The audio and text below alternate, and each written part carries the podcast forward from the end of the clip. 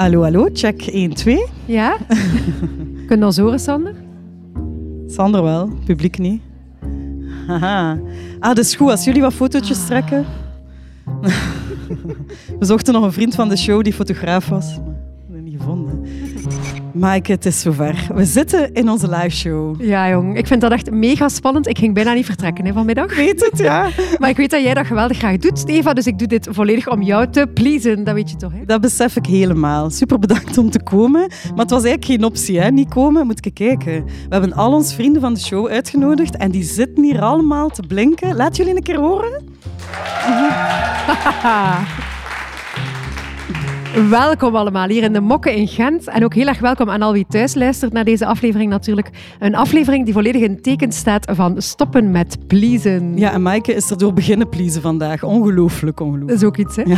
En Sander is hier ook. Sander pleest ons heel graag. En hij staat daar te zweten achter het mengpaneel. En hij staat te wachten op ons teken om de jingle te starten. Gaat het nog, Sander? Dat klopt. Hey, ik ben heel blij dat ik hier ook ben vanavond. Leuk dat er een keer bij zit, hè, Sander? het, het Ja. is super plezant. mag ik de jingle niet al starten dan? Nee, nee, nee, nee, nee. Even wachten, Ah, Sander. even, Ik moet nog een parley doen. Want ik wil eerst vertellen aan jullie dat Sander die een jingle, die jullie allemaal uit jullie hoofd kennen, zelf gecomponeerd heeft en zelf gemaakt. Dat is toch geweldig eigenlijk, hè? Dank u. En weet je wat hij tof vindt? Hij vindt dat tof als we dat met z'n allen zo meezingen, subiet. Als hij die jingle oplegt. Hè. Je kent het nog wel, hè? Ta, ta, ta. Of pa, pa, pa, pa, pa, pa. Ja, dan gaan we dat doen. Kies het, ta of pa. Hè? Dus als Sander hem oplegt, zou ik graag hebben dat iedereen even uit volle borst. Goed? Sander, je mocht. Pa, pa, pa, pa, pa, pa. Pa, pa, pa, pa, pa, pa, pa, pa, pa, pa, pa. Pa, Schitterend, schitterend. Hey, dank u wel. Kijk, en zoals je nu al hoort en nog verder zal ontdekken, deze aflevering zal een beetje anders klinken dan onze andere afleveringen. Ten eerste zit er publiek op onze vingers te kijken. En ten tweede ben ik niemand gaan interviewen deze keer, want ik ga Eva hier live aan de tand voelen. Zij is onze centrale getuige.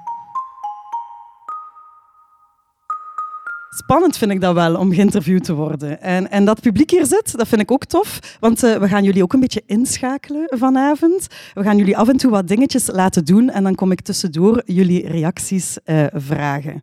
Maar zullen we beginnen al met een testje bij het publiek maken, Maaike? Een pleaser-test? Wat denkt u? Ja, dat is een goed idee. We gaan eens kijken hoeveel hardcore pleasers er vanavond in de zaal zitten.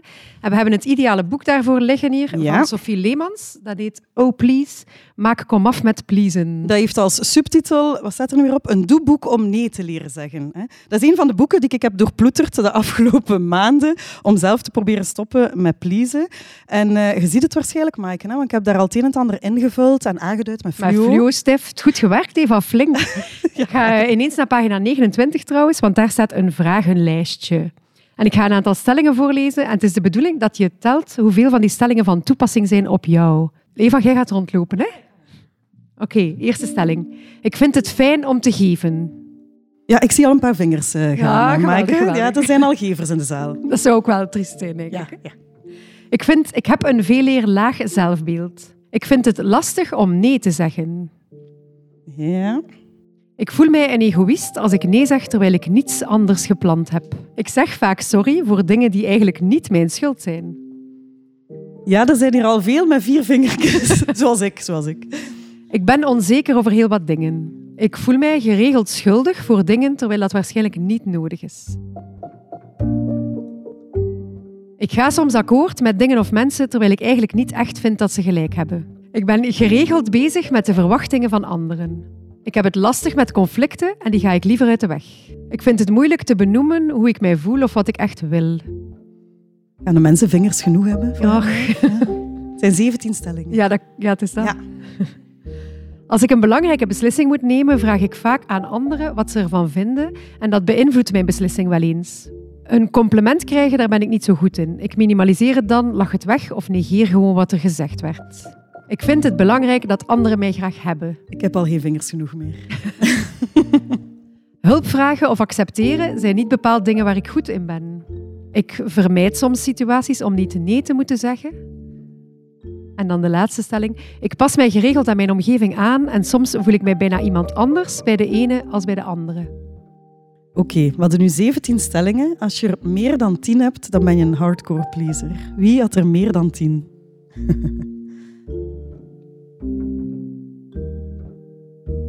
ja, dat is toch ongeveer de helft, hè, Maaike van de zaal. Ik ga je een keer rondlopen. Wie, wie was dat hier, die hardcore pleasers? Had je het verwacht? Ja. En welke stelling was het meest aan het resoneren? Eh, dat er zoveel waren. Zalig. De helft van de zaal was geen hardcore pleaser. Zijn er mensen die daar verrast door zijn? Want ik dacht dat ik meer een pleaser was dan dat ik ben. Ja, ik, ik denk soms wel dat ik een pleaser ben. Dat voelde ik wel zo. En dat is ook iets dat ik heel hard herken bij mijzelf en bij mijn moeder. Dat is zoiets ah, dat ik de kriebels van krijg als ik dat constant bij mijn moeder zie. En ik stoor me daaraan. En dus probeer er ook wel al een tijdje aan te werken. En het heeft misschien wel geholpen als ik de stellingen mag geloven. Ah, voilà, misschien gelijk bij mij. Hè. Goed bezig, goed bezig. Voilà. Maaike, hoeveel had jij er? Hoeveel vingertjes? Ik heb niet opgelet. Vier of zo? Ja. Oei. ja. Terwijl Eva, ik zie, ik zag hier in dat boek dat jij er maar drie niet had aangeduid. Hè, van Ja. de stellingen. Wanneer was dat? Wanneer heb je dat testje gemaakt? Ik weet dat dat een maand of zes geleden is, denk Hmm. ik. Ja. Ja, ik denk dat ik niet heb aangeduid dat ik onzeker ben. Eh, ik kan ook goed uitleggen hoe dat ik mij voel. Dat ga ik vanavond ook wel uitgebreid doen. En, eh, en eh, ben niet vaak onzeker. En dat laag zelfbeeld had ik ook niet aangeduid. Maar al de rest vond ik mega herkenbaar. Dus, maar ik heb ook echt het gevoel dat dat al heel mijn leven zo is. Ja. Ehm, ja, dat is echt iets van mij. Ja. En je bent niet alleen met dat boek aan de slag gegaan, ook nog met een ander boek. Dat ligt hier ook. En je Ja. hebt ook jobcoaching gedaan. En je was Ja. ook heel bewust bezig met het stoppen met pleasen de afgelopen zes maanden. Ja, ik heb mij ook een beetje omringd met gadgets. Eh, dat, dat was ook een strategie. Je ziet het hier liggen, maar ik ga het een keer bijpakken. Ik heb hier een blauwe t-shirt en op de achterkant staat er één woord en dat is nee. Dat is een t-shirt die ik gekocht heb, vond dat wel iets tof, van ik kan vrij moeilijk nee zeggen. Nu kun je En, gewoon eh, omdraaien eigenlijk. Ja, En nu draai ik mij gewoon om en zeg ik nee. En daar zat dan zo een poster bij met een heel toffe tekst over nee zeggen. En dat hangt op mijn toilet ook op. Ik heb die dubbel. en ehm, grappige anekdote wel. Hè, dat hangt al maanden op mijn toilet. En mijn jongste zoon Titus, als ik vraag, gaat de vaatwas legen? Dan begint hij hiervan, dan, hij kent dat al uit zijn hoofd. Dan zegt hij... Misschien, mama, moet je wat vaker nee zeggen. Want nee is niet moeilijk doen. Nee is niet per se mopperen of ongezellig zijn. Nee is ook gewoon een antwoord, zegt hij dan. Dus ja, kijk. Kijk, zo leert hij ook nog iets eigenlijk. Ja, je leert wel eens bij. Mijn kinderen weten eigenlijk dat ik op bijna elke vraag altijd standaard antwoord, ik ga er eens over nadenken. Ja, dat is ook zo'n goeie. Ja, en dat dat niet betekent dat nee is, maar wel dat ik tijd nodig heb om te weten wat ik van iets vind en dat ik inderdaad niet vanzelf ja wil zeggen en daar niet in wil vallen. Dus ja, dat zijn trucken natuurlijk. trucken van de voor. Dus ik heb niet enkel gadgets Ik heb mij ook eh, op Instagram omringd door zo van die mensen met inspirationele quotes over pleasen of niet pleasen. Dat heb ik ook gedaan. En dan al die boeken. Ja, Dus je hebt jezelf een beetje gebrainwashed eigenlijk. ja dat heb ik gedaan. En is het dan gelukt? Kun je zeggen dat je er vanaf bent nu? Van het pleasen? I wish, I wish. Nee, maar wat dat wel interessant is, Maaike, door er zo bewust mee bezig te zijn, een keer zes maanden, ja, ik ben er mij vrij bewust van. En soms ben ik het pleasen dus voor, doordat ik doorheb wat dat mechanisme erachter is. Ja. Hè. En ben dan mega fier. Als ik zo... Iemand vraagt mij iets, een nieuw project, een nieuwe cursus, weet ik veel wat. Ehm, en ik heb echt door van, ah ja, shit, ik wil hier vrij graag ja op zeggen, maar dat ik mijn eigen even de tijd gun om na te denken van, doe ik dat nu voor die persoon of, of wil ik dat nu eigenlijk zelf wel? Ja, dan, dan vind ik wel dat ik eh, een grote stap gezet heb. Ik heb zelf een podcastopdracht afgezegd onlangs. Dat vond ik een heel grote. Ja, cool. Daar wil ik het wel over hebben als we straks over je jobcoaching praten. Oké. Maar betekent dat dan dat je nu, als, als ik u zou vragen, ben je een pleaser, Eva, dat je nu nee zou zeggen? Zoals daarnet in de zaal, van het is veranderd? Nee, nee, nee, nee. Dat wil ik eigenlijk echt niet zeggen. Eh, allee, dat, nee, dat is niet zo, want als ik nu mijn vingertjes stel, waren er nog altijd veel. Ja. Ehm, en ik wil het eigenlijk ook niet maken. Dat is ook een beetje de conclusie, want ik wil er ook niet helemaal vanaf. Het is deel van mezelf, denk ik. Het is ook een van mijn talenten dat ik graag geef, graag liefde geef, graag mensen help. Ehm, ja, ik, ik wil ook eigenlijk helemaal geen egoïstische vrouw worden, want ik denk dat ik dan geen vrienden meer heb. Ja, ik zie dat wel niet gebeuren eigenlijk. Die kans is volgens mij super klein. Ik weet, maar ja. Anyhow, volgens mij is het wel goed, dat lijkt mij wel goed, om eerst te omarmen, zeg maar, hoe dat je in elkaar zit. En dat doet mij denken aan een eh, quote van Carl Rogers. Zal ik die keer citeren? Dat is De een van quote, de... Maaike en haar quote. Dan hebben we meteen een We quote in deze er. aflevering. Ja, ja. doe maar. Maaike, ik luister. Voilà. Carl Rogers zegt dus, de paradox is dat ik pas kan veranderen wanneer ik mezelf accepteer precies zoals ik ben. Dus hij zegt eigenlijk eerst zien wat er is en dat laten zijn en dan pas daarop groeien of in beweging komen. Het idee is, je kan een probleem niet oplossen als je niet eerst bereid bent om het te hebben. Ja. Dus zolang je in de weerstand zit en daarover oordeelt en denkt dat zou niet mogen zo zijn, dan kun je eigenlijk er heel moeilijk in groeien of evolueren. Dus er zit wel iets, allez, iets heel zinnigs in het idee van oké, ik zie dat zo is en daar start ik. Ja. Zullen we daar een keer een oefening over doen? Met Een allen? oefening is altijd leuk met z'n allen. Ja. Graag. Oké. Als iedereen een kaartje heeft en een pen, die liggen op tafel, dus dat zou niet moeilijk zijn. En de mensen thuis kunnen nu ook gewoon even op pauze duwen en een kaartje en een pen gaan halen. Ideaal Ah, eigenlijk. ja, hè? ja. Ja. En de vraag die je aan jezelf mag stellen is: wat als wie ik ben, precies zoals ik ben, met mijn handige en minder handige eigenschappen, helemaal de bedoeling is? Als er niets mis is met mij, hoe zou dat dan voelen? Wat zou dat dan betekenen?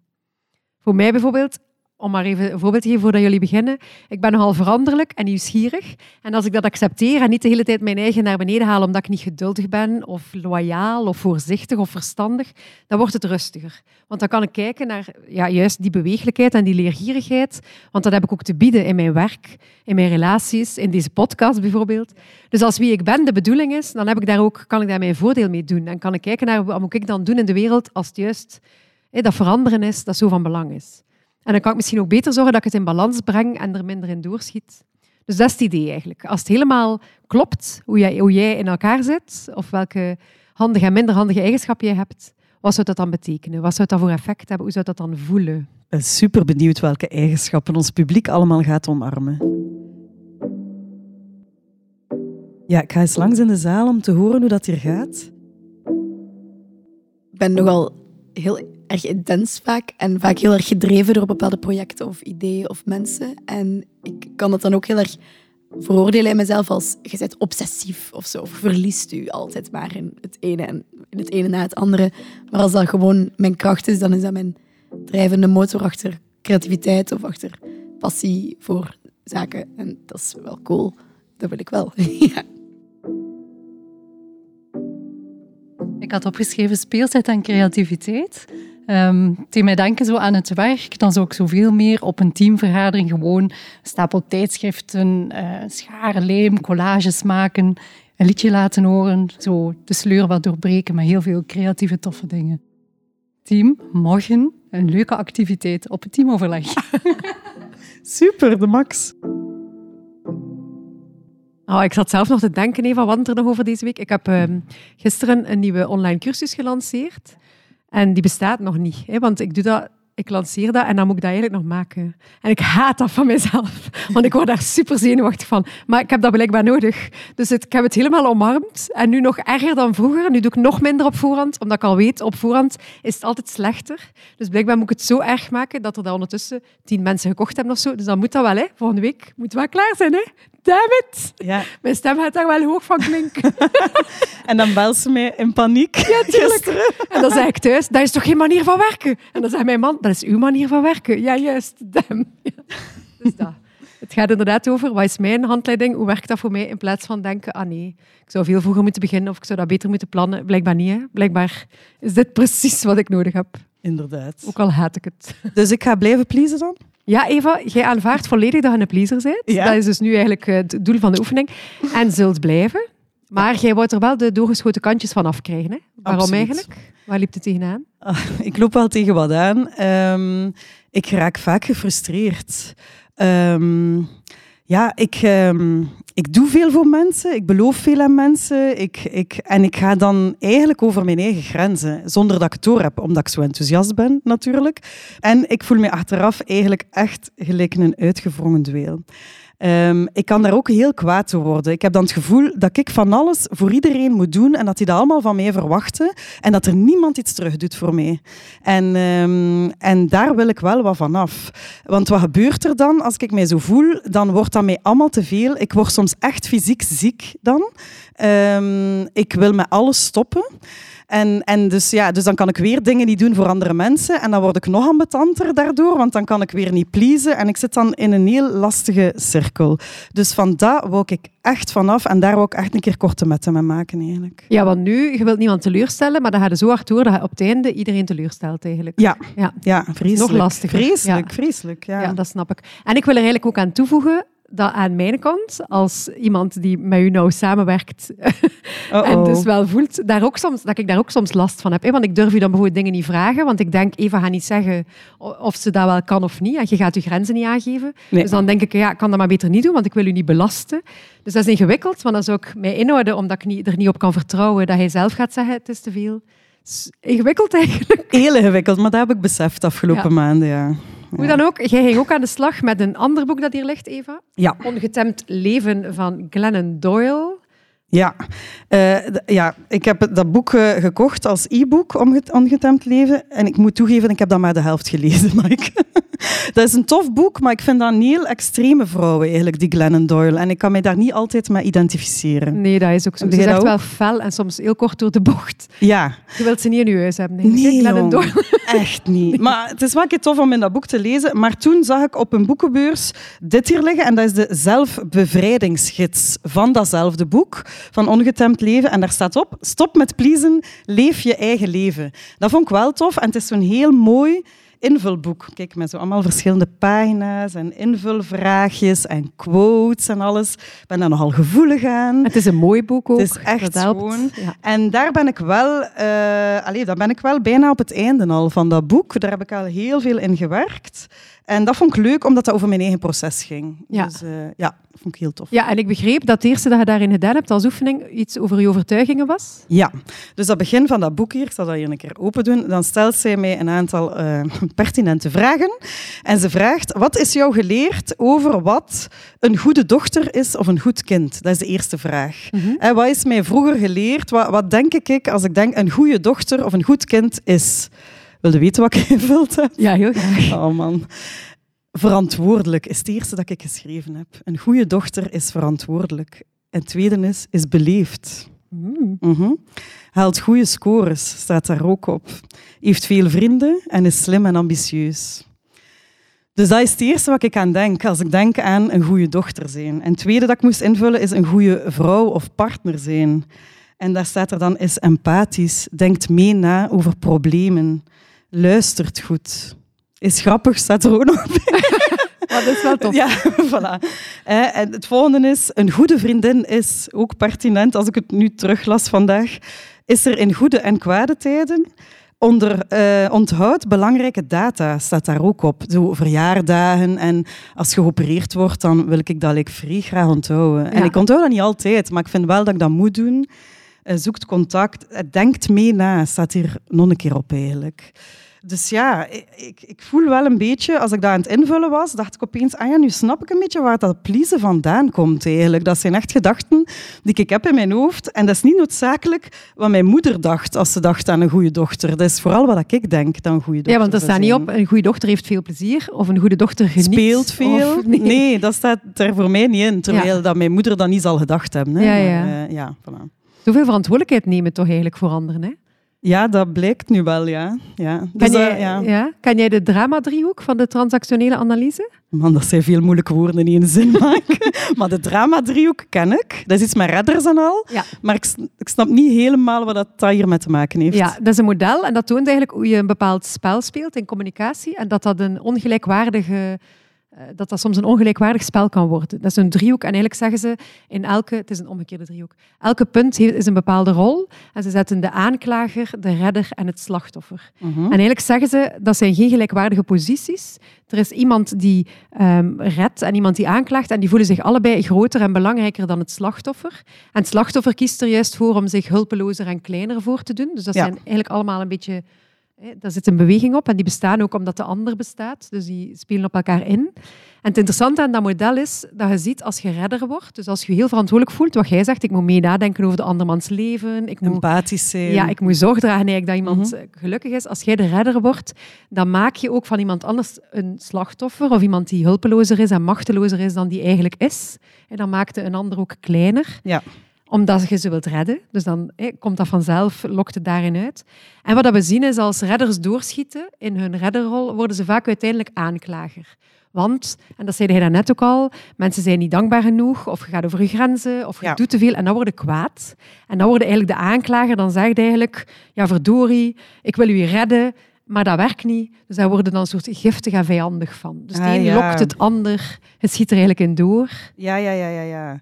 Oké. Ja, ik vind het wel vrij herkenbaar eigenlijk. Die redders, die, die aanklagers worden. Ik denk niet dat ik vaak in de slachtofferrol ga, maar vooral van redder naar aanklager. Ja. Ja. ja, je ziet dat veel in opvoeding en onderwijs ook. Hè. Mensen die bijvoorbeeld opvoeder worden of zo, daar begint aan omdat je wil helpen, omdat je iemand wilt, ja, je wilt verschil maken, wat een hele mooie intentie is. Maar eigenlijk als je dat van die plek van redder doet, dan zet je al boven degene waar je mee werkt. Dat is geen gelijkwaardige verhouding. Dan zeg je al, jij kunt het niet.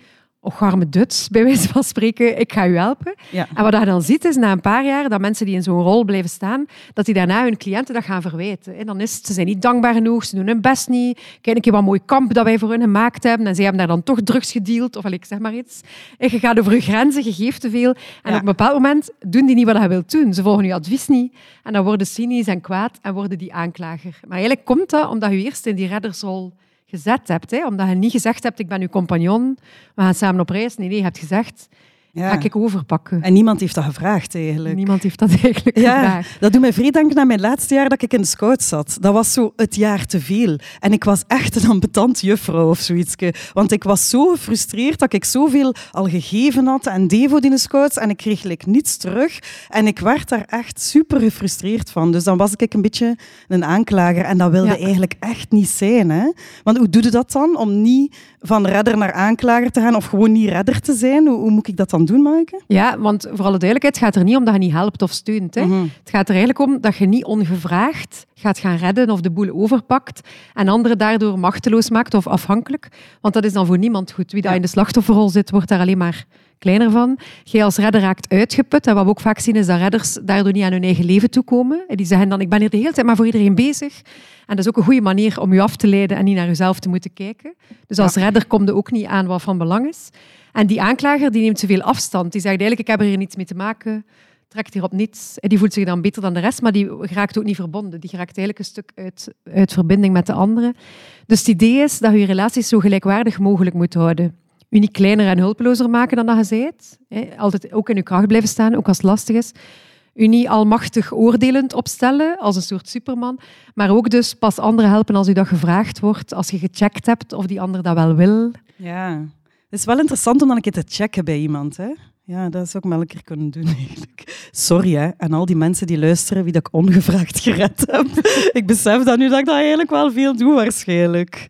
Amai. Zeg iets anders, Maaike. Want we kunnen hier niet heel tijd over mij als redder babbelen. too much drama. ja, too much. Even die drama-driehoek weg. Ja. Ik zat hier vandaag in dat boek te bladeren en wat ik veel aan gehad heb, is een oefeningske. En ik vind het nu even niet. Maar het ging over rode knoppen en resetknoppen. Ja. Ken je dat? Ja, dat vond ik een vrij toffe. Ja. Ik heb, mij daar, eh, ik heb daar veel uit gehaald eigenlijk. Ga jij het uitleggen? Ja, ik vind dat een interessante oefening. Die lijkt ook een beetje op wat ik in coaching al vaker gebruikte. Het idee is dat je rode knoppen hebt. En dat zijn dingen die je doet om tijdelijk verlost te zijn van, van je gevoelens, van spanning, van stress, van dingen die lastig zijn. Maar dat zijn dan het soort dingen die op lange termijn niets oplossen. Omdat, ze, omdat je achteraf nog meer verloren voelt dan daarvoor. Ja, dus bijvoorbeeld een rode knop is eh, chips eten, ruzie maken, binge-watchen, shoppen. Dus dat zijn dingen die je eigenlijk doet omdat je denkt, dat gaat mij helpen. Maar die uiteindelijk maken die je leger en nog meer weg van jezelf. Die zorgen ervoor dat je eigenlijk nog meer weggaat van wat je voelt en van wat er eigenlijk nodig is. Ze pakken wel je stress weg, maar niet op een manier die eh, op lange termijn duurzaam is. En anderzijds, en dat is wat Glennon Doyle zo mooi schrijft, hè, zij noemt dat de resetknop. En de resetknop zijn dan dingen die je ook kunt doen als het lastig is, als je in de stress zit of als eh, gevoelens ja, lastig en pijnlijk zijn. Maar dan dingen die u zorgen dat je aanweziger wordt en sterker. Bijvoorbeeld eh, een bad nemen of mediteren of met de hond knuffelen, een liedje zingen, een dutje doen. Dat zijn dan eigenlijk een soort resetknoppen die u daarna ook zorgen dat je weer meer op je gemak bent en dichter gekomen bent bij wat er eigenlijk aan de hand is. En het idee is, als je daar een lijstje van maakt, van die twee dingen, en dat bij de hand houdt, dan heb je een soort EHBO-kit voor lastige momenten. Ja. Een handleiding om niet te vluchten, maar echt voor jezelf te kiezen. Wil je weten wat ik geschreven heb? Ja? Ja, deze lees ik nog wel graag een keer voor eigenlijk. Eh, mijn rode knoppen is geen chips, maar suiker. suiker en chocola, dat stond er als eerste op. Ik ga absoluut scrollen op mijn telefoon. Instagram is onveilig op die moment. Ik heb alles gezien. Eh, als ik wat wil vluchten in een ambetant moment. Ik ga veel eh, binge-watchen ook, piekeren. Eh, en vooral, en dat was wel pertinent, blijven proberen werken. Blijven proberen werken, want ik heb vreed gevoel dat iedereen mij ook nodig heeft op dat moment. Hè. Ja.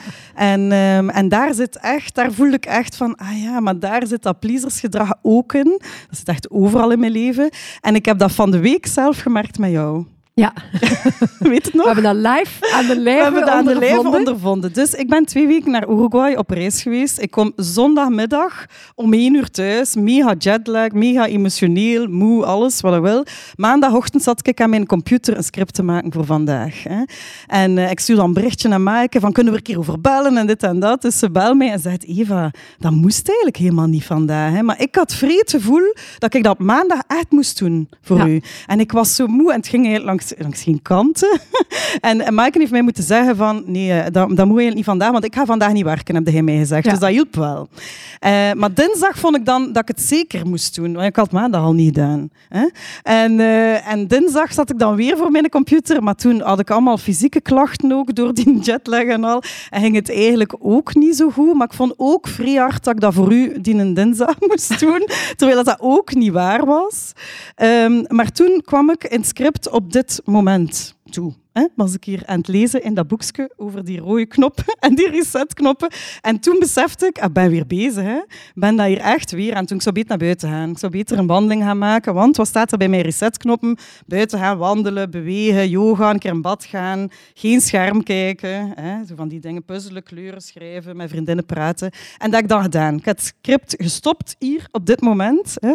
En, eh, en ik dan iets leuk gaan doen op dinsdag. En op woensdagochtend had ik mega veel energie. En dan heb ik het script kunnen afwerken voor vandaag. Dus dat werkt eigenlijk echt. Dat is, dat is ongelooflijk. Ja, en dan werken die twee dingen hè, blijkbaar. En je herkent de rode knop. Ah ja, ik ben moe en emotioneel. En wat ik dan doe, is harder doorwerken. Dat is de rode knop. Ja. Om, om te ontsnappen van je lastige...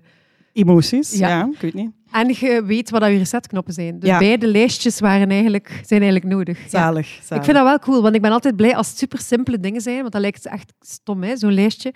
Maar dat, ja, dat vind ik gewoon echt tof. Ja, dat het zo simpel kan zijn en dan toch helpt. Ja. We gaan dat live ook een keer doen. Hè? Jullie zagen ons al aankomen, hè? toch? Maar iedereen heeft er al goesting in, denk Dus, dat, dus ook voor de mensen thuis. Neem een papiertje, neem een pen. Maak twee kolommen. Maak twee kolommen. Links komen de rode knoppen. Dat zijn dus die dingen die je doet in stresssituaties of bij lastige momenten, die niet echt helpen, waar je eerder leeg van loopt. Die lijken wel te helpen. Downton Abbey, alle seizoenen, lijkt te helpen. Misschien is dat echt ook wel zo. Maar misschien is dat bij sommige mensen sommige wel mensen een hè. resetknop. Dus ja. En dan rechts de reset-knoppen.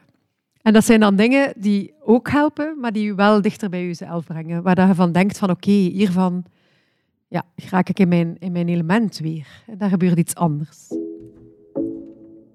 Wie heeft er een goede resetknop? Steen? Ik heb er verschillende. Maar ehm, ik denk dat mijn grootste resetknop is zeker sporten. Ik heb de voorbije drie dagen waren zo ambetante dagen. En ik, ik heb tegen mijn vrouw gezegd, als ik thuis kwam, ik moet eerst gaan lopen. En ik heb dan acht kilometer gelopen, maar nu is het beter. Dus dat is echt absoluut mijn resetknop. En wat zou het dan uw, eh, uw rode knop zijn? Eh, mijn grootste rode knop is eten.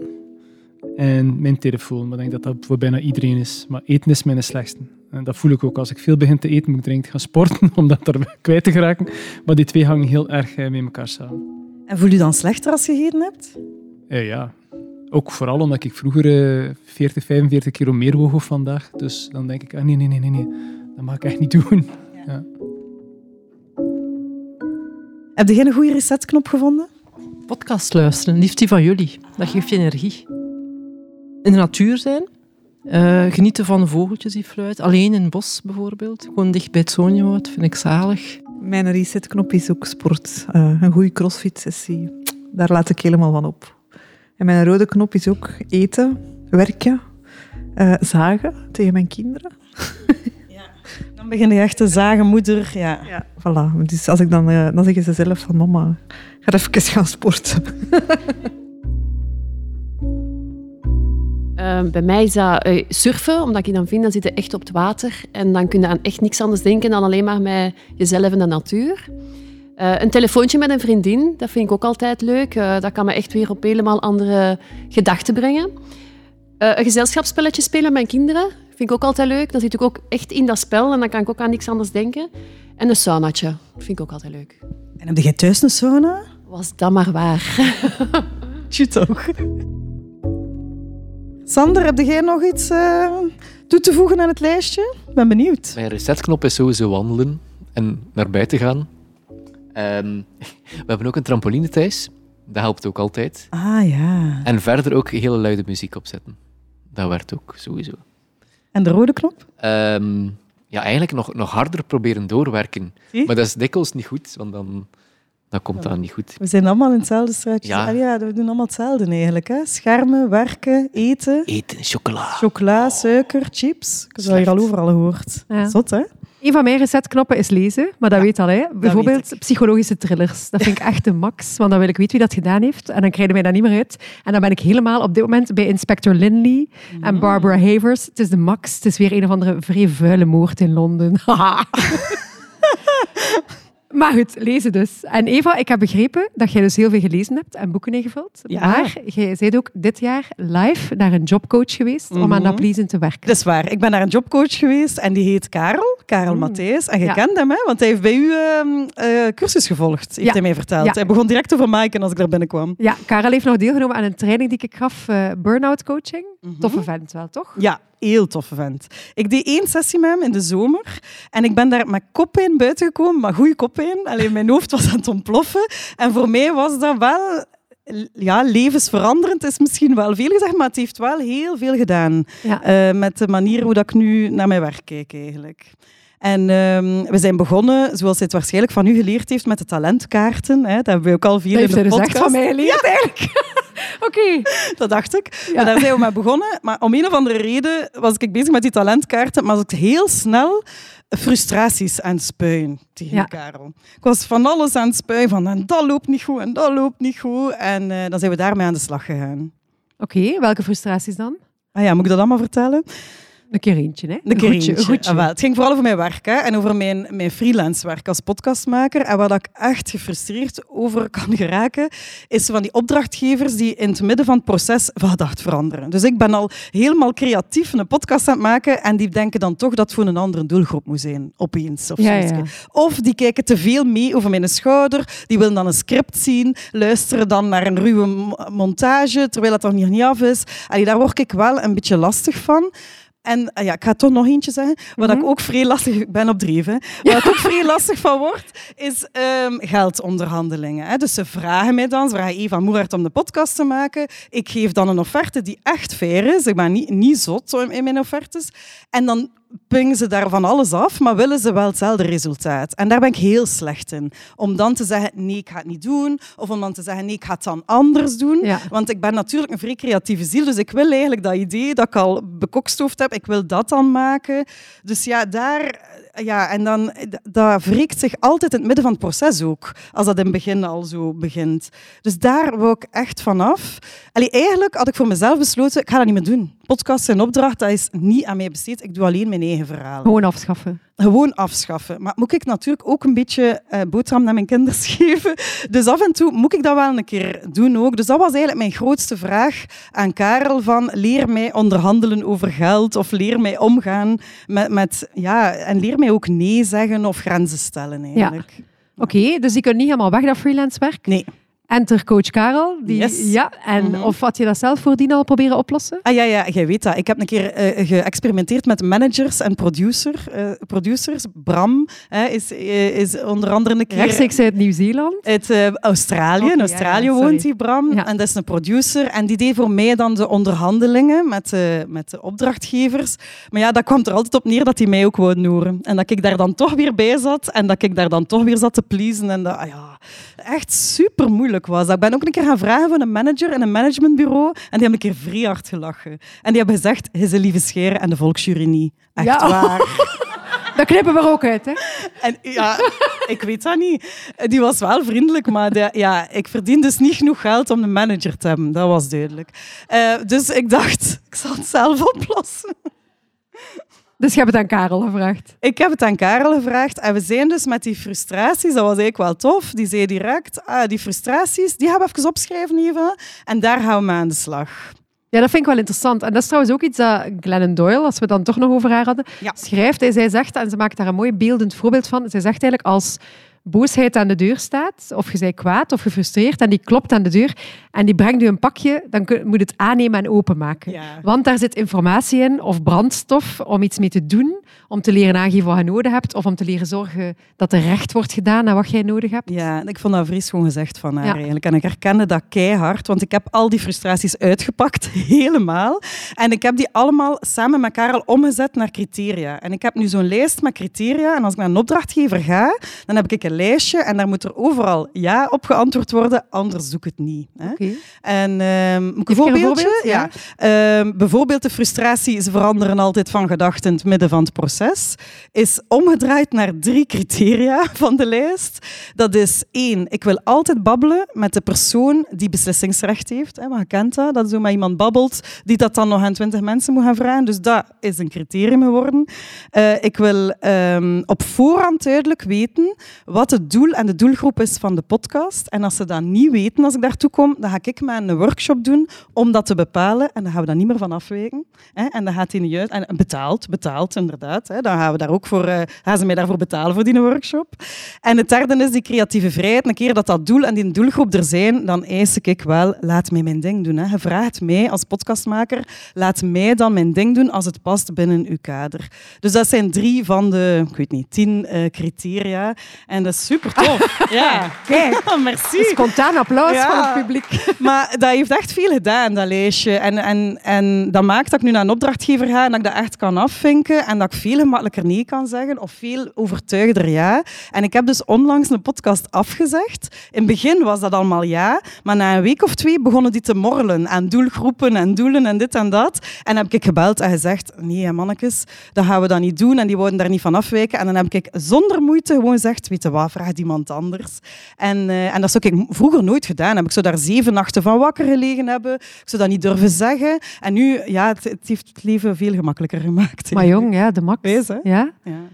Ja, ik heb ooit ook een keer een boek geschreven. Ja. Niet alleen gelezen. En ik schreef daar ook in de, heel dat idee van wat als negatieve emoties of emoties die wij negatief vinden, toch nuttig zijn. Wat als, we die, wat als die ergens voor nodig zijn. Dat is ook wat hij zegt. Hè. Ja. Als je verdriet of frustratie of woede durft voelen en niet tegen jezelf zegt dat zou ik niet mogen ervaren of ik moet maar meer mijn best doen, maar inderdaad echt kijkt wat komen die mij vertellen wat, en die onderzoekt, dan kun je daar superveel informatie uithalen voor wat er voor u nodig is. Ja. Of bij jaloezie bijvoorbeeld ervaar ik dat sterk. Dat vind ik Oh. soms nog gemakkelijker Ik kan echt jaloers zijn op mensen. dan eigenlijk. frustratie. Ja, ik ook. En jaloezie toont mij ook wat ik echt zou willen. Hè. Als ik dan jaloers ben op een, ehm, zo'n online thought influencer of zo, dan denk ik, ja, daar wijst mijn droom ook naartoe. Dat zou ik eigenlijk willen zijn. Of als ik mensen zie die zo in een tiny house wonen of met een camper rondtrekken en Ah, ja. digitale nomaden zijn, denk ik, ja, damn, hè, dat, daar ben ik jaloers op. En dat toont ook ja, welke vrijheid dat ik zou willen of hoeveel tijd dat ik met mijn man en mijn kinderen en zo in de willen tijd voor hebben en niet zoveel willen werken. Dat toont ook iets toch van de droom die daaronder verstopt Tuurlijk. zit. Ik ben al jaren jaloers op mensen die nee kunnen zeggen, die mensen kunnen teleurstellen, die echt eh, ja, staan voor wat dat ze willen. Allee, eigenlijk op Mike. Nee. ik ben al jaren jaloers op u, Mike. Alleen op dat vlak hoop ik. Ja, nee, nee, absoluut. absoluut. Ja. Ehm, en ehm, ja, dat is ook een oefening die in, in, dat, in, dat, in dat boek staat eigenlijk. Hè? Dat jaloezie, die jaloezie-oefening. Eh, ik zou een keer moeten kijken. Eh, ik heb daar een papiertje tussen gestoken, want anders vind ik het nooit. Dus Glennon Doyle heeft mij ook gevraagd op wie en wat ben je jaloers. Hè? Ja? Dat staat er ook in. En weet wat er hier staat? Maaike, hè? Oké. zoals gezegd. En daar heb ik bijgeschreven toen. eh, ze kan zo makkelijk van gedacht veranderen, die Maaike. En van koers veranderen, omdat ze zo vrij is in haar job. Ik zit precies altijd vast aan dingen en projecten. Dus eh, dat is wel iets dat ik jaloers Dat is op wel mooi, bij want ik vind het heel erg van mijzelf soms. Ah, nee, ik ging dat accepteren. Hè. Accepteren. Dat ik altijd van gedacht en van Nee, koers verander. ja, voilà, voilà. Ja. Dus voor mij is hij een rolmodel. Ja. ja, en daarvoor werkt het toch ook. Hè? Jaloezie kan daar ook voor dienen. Ik ben bijvoorbeeld een beetje jaloers op Kelly de Riemaker, omdat hij zo vlot daar online cursussen promoot. Maar ik kan dat ook omzetten in een soort model leren. Hè? Zeggen als Kelly eh, mijn rolmodel mag zijn en ik kan imiteren wat zij doet. Bijvoorbeeld, zij promoot dan zo, in, ze doet dan een lancering, dat duurt maar één week en dan gaat ze elke dag mailen. En ik dacht in het begin, mens, dat is zo intens mensen op hun vel zitten. Maar als ik dat nadoe, dan werkt dat dus. Hè? Want ik kan gewoon zeggen, ik ben jaloers op wat zij bereikt. Ah, als ik, doe, als ik dezelfde stappen zet, kijk. Je zit dat nu aan het doen, hè? Ik ben dat gewoon aan het doen. Ja. Ik kan misschien op dezelfde plek komen. Kan ik dat imiteren? Kan ik dat ook Ja. worden? Ja, Als ik denk aan podcastmakers, dan ben ik vaak jaloers op Audiocollectief Schik. Hè, kent u wel, van Bob en, en El Tarango. Allee, ook om hun werk, maar ook om de manier waarop dat zij podcastmaker zijn. Die, die doen alleen maar wat dat ze willen doen. Die hebben een heel duidelijke visie. En je gaat die niet zomaar elke podcast horen doen. En daar kan ik zo jaloers op zijn. Dus ja, dat is ook echt iets dat ik naartoe moet. Dat doen en echt wil. wat je wilt doen, ja, Ja, toch? Ja, inderdaad. Dat lijkt me trouwens ideaal als laatste oefening van vanavond. Opnieuw een kaartje en een pen. En voor de mensen thuis, je hebt al lang een papier bij de hand, denk ik. En de vraag is dan, op wie of wat ben jij jaloers?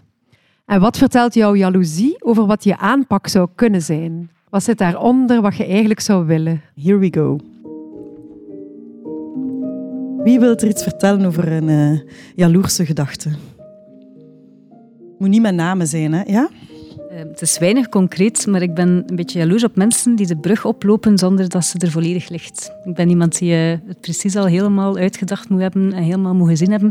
En ik ben wel jaloers op mensen die gewoon springen en zien van oké, waar brengt het mij?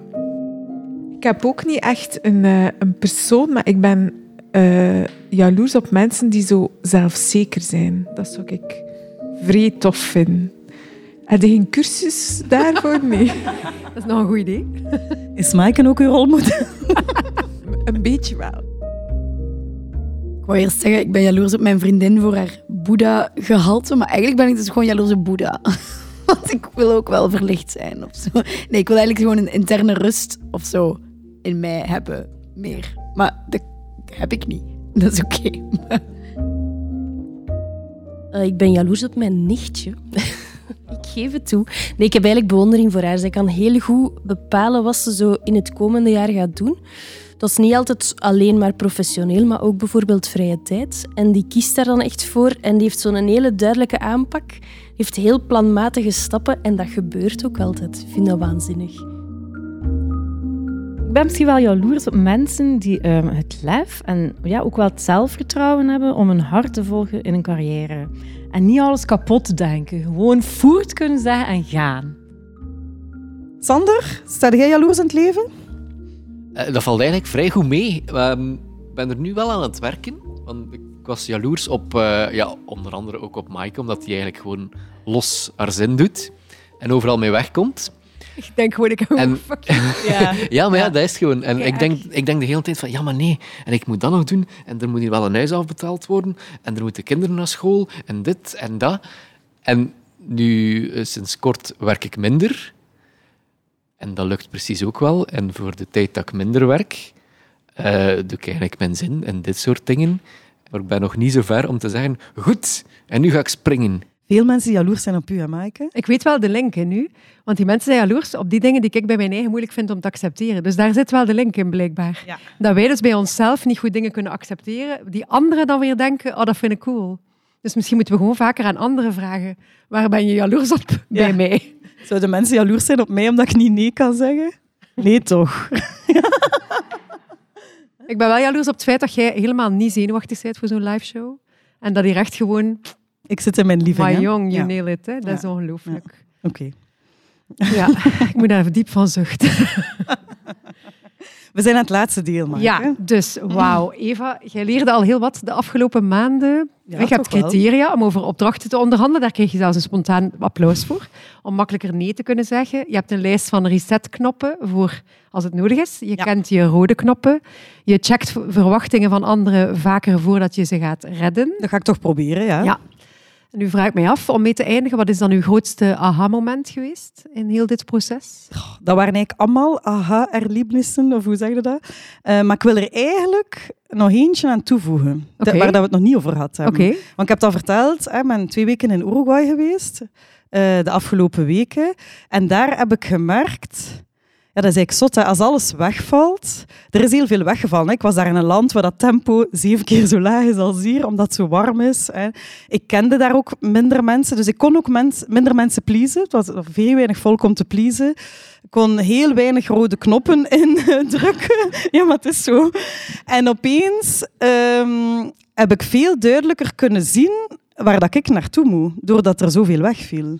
Dat was ook zo ja, een moment. Ik was heel veel in die boeken bezig ook vorige week. Ja, dat, dat was wel zot. Ja. Heel herkenbaar, denk ik, als het stil wordt, als Ja. het stil valt, dat je dan kan zien wat je daarvoor niet ziet. Hè? Tussen alle ruis en herrie en drukte. En om er nog eens naar te refereren, in de lockdown, denk ik, hebben veel mensen dat ook ervaren. Niet dat we daar de hele tijd naar terug moeten keren, maar dat was toch zo. Alles Ja. stopt en dan denkt je, wat is hier eigenlijk van belang? Waar wil ik eigenlijk aandacht aan geven? Wat zit er scheef? Of wat is er echt eh, essentieel? In de jeugdhulpverlening wordt dat ook vaker gedaan hè, met een ontheming of een time-out. Het idee van, we gaan er even uit en dan gaan we voelen waar het over gaat. Dat is ook wat mensen zoeken, denk ik, als je zo'n pelgrimstocht naar Santiago doet. Ja, dat wil ik ook graag een keer doen. Ja, even Ja. uit die dagelijkse gewoontes en dan voelen wat er echt telt en wat er anders moet. Ja, en dus bij mij was het niet gepland, maar het kwam wel opeens boven eigenlijk. Het was wel een spiegel. Zo. Ja, ik vind dat wel chic trouwens, dat je durfde helemaal naar Uruguay reizen. Ja, dat was, ook een zotte expeditie cool, eigenlijk. Ja. Ja, dus ook dat doen, zo uit je comfortzone, dat heeft toch ook effect. En wat heeft het dan opgeleverd? Ehm, ja, iets heel persoonlijk eigenlijk, maar ehm, het, ja, het heeft mij vrij doen nadenken aan de balans in mijn leven of zoiets. Ehm, ik heb toch het gevoel dat ik te veel hooi op mijn vork neem, nog altijd hier in België, of opnieuw. Ik ben gescheiden onlangs. Ik woon alleen in een appartement, ben meer gaan werken om dat te kunnen betalen, maar ik ben natuurlijk ook alleen mama. En, eh, en ik voel dat ik heel de tijd aan het hollen ben. En dat viel dus ook weg toen dat ik daar was. En ik moet daar echt naar gaan kijken, naar die balans weer. Want er, er klopt iets niet. En, en ik voel dat fysiek aan alles. En dat, dat werd nog een keer uitvergroot daar in Uruguay ook. Begon allerlei kwaaltjes te krijgen. Ja. Ja, en wat zou je dan nu willen doen om dat aan te pakken? Het is hier precies een psychologie-sessie. Het is erg. Maar nee, ik zal antwoorden. Eh, ja, ik, ik- de eerste stap is voor mij een keer kijken of dat ik weer minder kan gaan werken, bijvoorbeeld op de hogeschool. Hè? Want Ja. daar ben ik omhoog gegaan van percentage. En of dat ik dat weer naar beneden kan krijgen volgend academiejaar. Een keer kijken gewoon naar mijn rekening, zo'n nozele ding. Hè? Waar, waar gaat mijn geld allemaal naartoe? En kan ik niet gewoon met minder geld? Is dat niet ook iets in mijn hoofd dat denkt, ik moet dat hier allemaal alleen doen, ik moet hier meer cashflow hebben, want ik heb ook, ik heb ook nog mijn freelance werk. Dus ik wil daar meer eh, een balans in zoeken. Dus de komende dagen ga ik een keer naar mijn rekening kijken. Maar dat gaat ook mensen teleurstellen misschien, door minder te gaan werken weer. Of... Ja, toch? Ja, maar dat hoort er dan bij zeker. Ja, ik ga misschien minder eh podcasts maken met u, Maaike. Oh. Nee, nee, nee, nee, nee, nee. Ik zal misschien meer mensen op de hogeschool teleurstellen, dat is waar. Maar Ja, ik doet hij wel doet hij dan. Ja, is ja, goed. ik ga dat gewoon zo doen. Kijk, ja, het is uw hele leven lang uw voornaamste job om anderen teleur te stellen, zodat u zelf niet teleurstelt. Hè? Zegt Glennon Doyle ook trouwens, als oh my quote. god, wat een quote om met te eindigen, Maaike. Die wil ik op mijn toilet hangen. Ga je hem een keer opschrijven? Ja, komt in orde. Jupsakee, de jingle is hier. Dus het is alweer voorbij gevlogen, deze liveshow. Maaike, dat viel nu toch eigenlijk wel mee met dat publiek dat op onze vingers zat te kijken. Maar dat is, ik vond het eigenlijk wel plezant. Ja? Maar ik wil wel de volgende keer weer gewoon in uw keuken zitten, als het niet Oké, dat is meer voor eh, introverten zeker, maar beloof, beloof. De volgende keer gaan we gewoon weer in onze keuken. En dan gaan we eigenlijk de laatste aflevering van dit seizoen maken. Hè? We kunnen wel elk seizoen een keer een live show doen, hè? dat wil ik nog wel. Dat hadden we eh, beloofd aan elkaar. Of dat had jij mij beloofd. Ja, dat heb ik eh, beloofd. Maar dus die laatste aflevering, die gaat over stoppen met... Stoppen. Stoppen met stoppen. Ja, nu dat we al die weken van de daken schrijven dat je overal mee moet stoppen, gaan we dat plat relativeren in de laatste aflevering. Nee, serieus. Het wordt een aflevering over de vraag of je jezelf altijd moet verbeteren. En of we niet, ja, moeten we blijven veranderen of mogen we niet gewoon fouten hebben en kei mottige gewoontes en slechte karaktereigenschappen en die dan toch radicaal waarderen en daarvoor gaan staan. Oh. Daar gaat het over. Daar kijk ik echt naar uit. Wat er ook aankomt, speciaal voor jullie, vrienden van de show, de bonusaflevering die we voor jullie aan het maken zijn over stoppen met vriendschap. Ik ben de laatste hand aan het leggen aan de montage. Het wordt keigoed en binnenkort eh, komt hem online. Ja, leuk hè? Ah. Kijk, kijk. Hoe enthousiast dat ze zijn. En wil jij thuis ook naar die aflevering luisteren of de volgende keer onze liveshow bijwonen? Dat kan. Gewoon naar vriendvandeshow.be slash bruto nationaal geluk.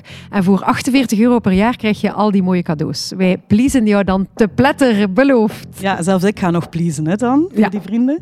En voor we afsluiten wil ik eerst ook nog eh, Sander bedanken. Sander Sound Design daar, voor deze aflevering. Hij startte vandaag live de jingle een paar keer. Hij zorgde ervoor dat wij goed gehoord werden in het publiek. En ik hoop dat hij ook de podcast goed heeft Ja, opgenomen. wat we nu niet weten is of Sander ook een pleaser is. Sander? Zij, zei jij een pleaser? Wat denk je zelf? Ja, tuurlijk wel. Ja. Maar ik zou graag een mega fantastisch applaus willen voor Sander.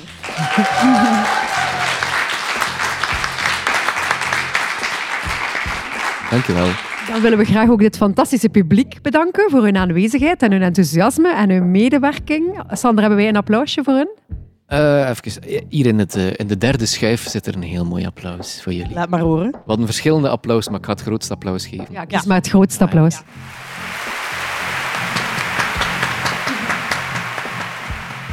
Maar natuurlijk uh, wil ik ook nog jullie bedanken en misschien een heel groot applaus voor onze twee gastvrouwen voor vanavond. Eva en Maaike.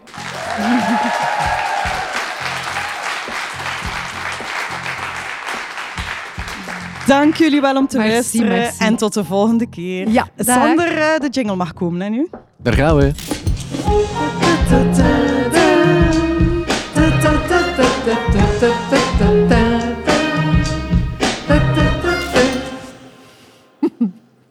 Alright. Staat erop, Sander? Staat erop. Nog een groot applaus voor Eva en Maaike.